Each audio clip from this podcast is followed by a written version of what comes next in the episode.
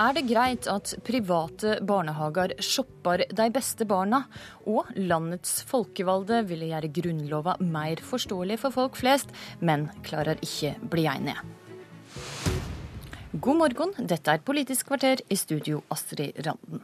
I Dagsnytt i dag hørte vi om en far som gikk rundt til private barnehager og fortalte hvor snill og grei dattera hans er, i håp om å få en plass. Og Oslo-byråd Anniken Hauglie fra Høyre sa hun vil ha slutt på at private kan velge barn, for hun frykter de kommunale barnehagene blir sittende igjen med de vanskeligste og mest ressurskrevende barna. Nestleder i SV Bård Vegar Solhjell er det greit at private barnehager shopper barn? Det er ikke greit, det er ikke det. Uh, så skal jeg si at Vi kjenner jo ikke helt omfanget av det her. Jeg, jeg, har hørt de historiene her i en god del år, både fra venner og kjente, og, og hørt om det i mediene. Og En stund så trodde jeg nok at det ville gå ned. Altså fordi at klart Når det var veldig mangel på barnehageplass, så kan man forestille seg at det var mer vanlig. Men jeg fortsetter å høre det senest nå på NRK. Og det første jeg syns regjeringa bør gjøre, det å sette i gang en systematisk undersøkelse av uh, i hvilket omfang det skjer, og hvordan bildet faktisk ser ut. For jeg har ikke fått med meg at vi har systematisk kunnskap om det. Og så syns jeg forslaget som Oslo kommer med om felles opptak, er verdt å vurdere. For det, det er det allerede kommuner som har i dag. Og da kan man få en lik og rettferdig uh, måte å fordele barnehageplassene på i en kommune. Kunnskapsminister eh, Torbjørn Røe Isaksen fra Høyre, du er med oss fra studio på Stortinget. Hva veit du om omfanget av denne silinga? Nei, Det er helt riktig som eh, Solhjell sier. Vi vet ikke noe om uh, omfanget. Det er i hvert fall Da vi kom inn i departementet for seks måneder siden, så jeg har ikke klart å finne noen rapport om omfanget. Og det er helt åpenbart at når du stiller spørsmålet på den måten som NRK gjør i dag, da, nemlig er det riktig at man shopper barn, så er ikke det riktig. Eh, barnehagene, De private barnehagene de har en mulighet til å i eh, vedtektene sine sette noen kriterier som er objektive og etterprøvbare. La meg bare ta, For å få det litt ned på jorda, la meg ta et eksempel. Det betyr f.eks. at hvis du har en eh, borettslagsbarnehage, så er det lov i vedtektene dine å si at vet du hva, de som er i borettslaget, de har forrang til denne barnehagen. Eller hvis du har en sykehusbarnehage f.eks., som jeg gikk hjemme i Porsgrunn, så er det lov å si at de som er barn av de på sykehuset, de er, eh, har førsterett. Og så kommer andre, altså da jeg med mine foreldre, kommer etter det. Det mener jeg må være lov. Samtidig så må vi da ha klare regler for å sikre at F.eks. folk med nedsatt funksjonsevne eller barn med nedsatt funksjonsevne, de må uh, tas imot og ha barnehageplass uansett. Men det har en vel i dag? Det har vi i dag, så det er greit å bare få slått fast det også. Men hva med de litt mer krevende barna som ikke da har nedsatt funksjonsevne? Nei, altså jeg, jeg, jeg, forstår jo bekymringen til eh, Oslo. Jeg, det er en helt relevant innvending. F.eks. at i en stor by som Oslo så kan det jo hende at i noen deler av byen så er det flere private barnehager, mens i andre deler av byen er det færre private barnehager. Det forstår jeg.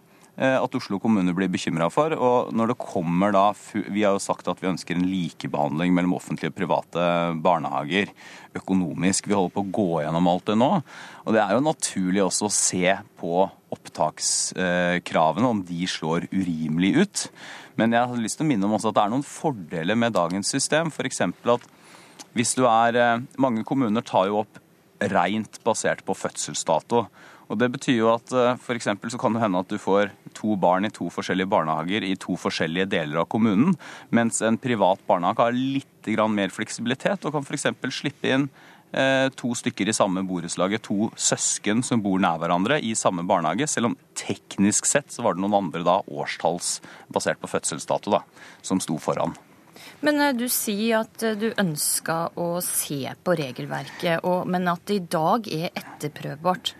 Har du prøvd det? Altså Veit du noe om dette i det hele tatt? Ja, altså Det vi vet, er jo hva regelverket er. Men det er helt riktig som eh, Bård Vegar Solhjell sier, og han vet jo også litt om det, for han har jo vært kunnskapsminister selv, at uh, det har ikke vært noen systematiske undersøkelser av dette. Eh, nå er det, jo veld... det er jo Tilsyn av barnehagene foregår jo jevnlig. Det er kommunene som har ansvar for det. Vi vet ikke nøyaktig hvor mange tilsyn de har, men det er de som har sånn overordna ansvar for å sørge for at barnehagene følger loven. Men har dette men... vært da en del av tilsynet? Ja, altså hele barnehagens drift er da, hvis de har stedlig tilsyn som det heter, altså at de dukker opp i barnehagen, så er hele barnehagens drift en del av det. Men det er, helt, det er jo helt åpenbart at det vi snakker om her, er jo ikke noe som er nedfelt i vedtektene. Det er, sånn at, det ikke sånn at det står i vedtekten at du, hvis du har med deg en CV fra sjefen din på jobb, eller hvis du sier at du er, viser at du er revisor og kan hjelpe oss med regnskapet, eller snekker og kan hjelpe oss med å bygge noe ute, så er det større sjanse for at du får barnehageplass. Så jeg, de, alle disse historiene er jo, er jo ikke altså Det er jo ingen barnehager, private, som har dette offisielt nedfelt på papiret. Så dette er jo en praksis. Så jeg syns det er en god idé, som Bård Vegar Solhjell sier, at nå at vi rett og slett prøver å få en oversikt over dette her, og se om det går an å finne ut i hvor stor grad er det det skjer. Ja, nei, Det høres ut som en første oppsummering av den samtalen her er at, eh, at, det gjør vi bare. Og det tror jeg alle vil synes er fornuftig og, og viktig. Så hvis vi vil prøve å skille litt mellom hva som er et problem og hva som ikke er et problem. Altså Det som ikke er et problem, tror jeg, det er f.eks. at la oss si at NRK har en barnehage, og så eh, har det førstepri de som jobber i NRK der. Det er mange bedrifter og andre eh, borettslag som Røe Isaksen osv. som har det. Eh, det som kan være et problem, det er to ting. Det ene er jo hvis man faktisk aktivt velger vekk barn som man i en barnehage frykter vil ta ekstra ressurser og være ekstra arbeid med og sånne ting. Og, og der er det et regelverk, men spørsmålet er hvor godt det er, om det følges osv. Det er som et problem, litt mindre problem, men dog og hvis det blir sånn at kjennskap og vennskap eh, blir viktig i tildeling av barnehage, og det er ganske enkelt, for det skal det ikke. Alle, uansett eh, om foreldrene har den eller den jobben, eller om man kjenner noen, skal ha en lik mulighet. Og da tror jeg at eh, forslaget om et felles opptak, som altså noen kommuner allerede gjør helt greit, er ganske godt. Fordi eh, det er like mange barnehageplasser i kommunen av det. Det man gjør er bare at man ser Alle kan søke der du vil. Så får du når så lengt det er plasser der i den barnehagen du vil. Og der som er igjen, da fordeler man mellom alle barnehagene istedenfor bare med gjennom en del av barnehagene. som kommunen Men da mista jo den borettslagsbarnehagen eh, forrang. Det man da kunne se på, er jo om det er noen barnehager som skal få lov til å ha spesielle regler. F.eks. om en bedrift skal få lov til å sette sine egne ansatte, sine barn, foran der. Eh, sånne unntak kan man da vurdere i en sånn eh, prosess. Men jeg, jeg litt Altså, jeg, jeg, mener at det er naturlig, som byråden i Oslo sier også, at når man, eh, når man Hvis man får, eller når man får Vi har sagt i plattformen at vi skal ha likebehandling økonomisk mellom barnehagene. At man da også ser på opptakskrav kravene. Og der, eh, Da er det én mulig vei, er jo det Bård Vegar eh, Solhjell skisserer opp nå. Men samtidig så mener jeg at det er det er jo noen fordeler også med altså Ikke med å shoppe barn, det er det ingen fordeler med, men det er noen fordeler med den fleksibiliteten som de private har. Ja, hva for fordeler, ja, det, det, to, to klare ting. Det første er jo at private barnehager gir jo også barnehageplass til en del barn som ikke er såkalte rettighetsbarn. Altså Med andre ord så blir det høyst sannsynlig flere barnehageplasser og lavere, eh, kortere kø for foreldrene av dette. Og rettighetsbarn, da snakka du om deg som er de som ett er, år eh, eller ja, mer fra 1.9. Nettopp. De som da har rett til barnehageplass uansett. Der kan jo verken kommunen eller private si nei, de skal ha barnehageplass. Og så er det jo veldig forskjellig praksis for de andre barna. Så det, Poenget mitt er at det blir sannsynligvis litt kortere kø for foreldrene av dette, og det er bra. Det andre er at det er litt redd for, som, som blir litt lite fleksibelt, da, det er jo at hvis du har en ganske stor kommune, og så har alle barnehagene ventelister hvor de bare ser på fødselsdato, så betyr nettopp det at hvis du har liksom eldstegutten i nærbarnehagen, og så er det da eh, dattera di får en plass kanskje én mil eller halvannen mil lenger unna, så er det veldig liten fleksibilitet i systemet. Og den lille fleksibiliteten kan det jo være en fordel at de private barnehagene kan være med på å gi. Det blir kortere kø, Bård Vegar Solhjell? Nei, det blir jo ikke færre, det blir ikke færre barnehageplasser om du ser alle i sammenheng. Det blir jo, faktisk men, nøyaktig like mange. Kan ikke jeg bare forklare hvorfor, nei, nei, nei, La meg bare forklare hvorfor du kan gjøre noe med det. Det er fordi at eh, hvis Der det er nok barnehageplasser til at noen flere kan få, der har du muligheten til å se det i sammenheng og tildele dem til flere enn de som har en, en rett til barnehageplass. Derimot så det, finnes det jo en altså Det største problemet til en del kommuner i Norge er det ikke nok til en gang de som har rett, eller det, det, du har nok til dem, men mange får ikke barnehageplass med en gang de vil. Og en løsning på det er jo først og fremst å sørge for at vi har to eller flere opptak. Der fikk og du siste ordet i den debatten, Bård Vegar Solhjell. Takk for at du kom til Politisk kvarter, og takk også til det, Torbjørn Røe Isaksen.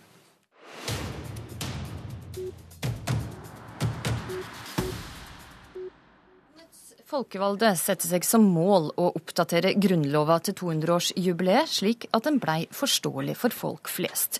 To utvalg og flere oversettingsforslag følgde så lange debatter i Stortinget. Men så viste det seg at de rød-grønne støtter ett forslag, Frp et annet. Venstre, KrF og Høyre støtter ingen av dem. I dag avgjev kontrollkomiteen si innstilling, og komitéleder Martin Kolberg fra Arbeiderpartiet når det ikke klarer å bli enige, da blir vel Grunnlova slik den alltid har vært?